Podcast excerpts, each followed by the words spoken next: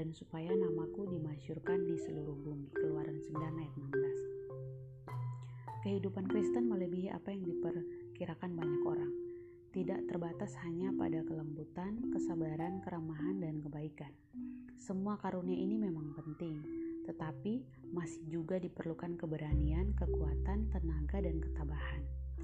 Jalan yang ditandai Kristus adalah satu jalan sempit, penyangkalan diri. Untuk memasuki jalan tersebut dan menempuhnya melalui kesulitan-kesulitan dan keputusasaan, menuntut perlunya orang yang gagah berani. Orang yang memiliki kekuatan yang diperlukan, orang yang tidak menunggu sampai jalan mereka mulus, dan setiap rintangan disingkirkan dulu. Orang yang akan mengilhami para pekerja yang lemah dengan semangat segar, orang yang hatinya hangat dengan kasih Kristus dan yang tangannya kuat untuk melakukan pekerjaan Tuhan mereka.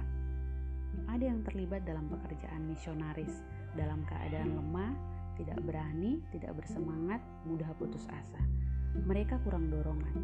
Mereka tidak memiliki sifat-sifat yang memberi kuasa untuk melakukan sesuatu, roh dan tenaga, tenaga yang mengorbankan semangat.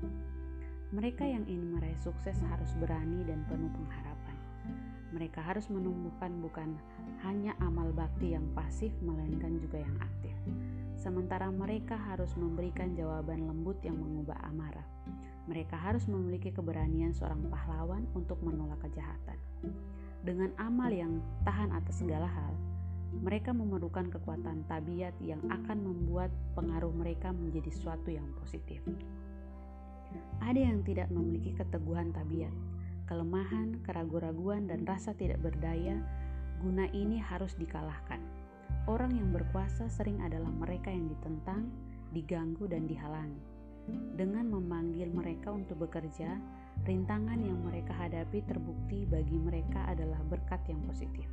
Mereka mencapai kemandirian, pertikaian, dan penderitaan, memerlukan pengarahan, kepercayaan pada Allah, dan untuk keteguhan yang mengembangkan kuasa.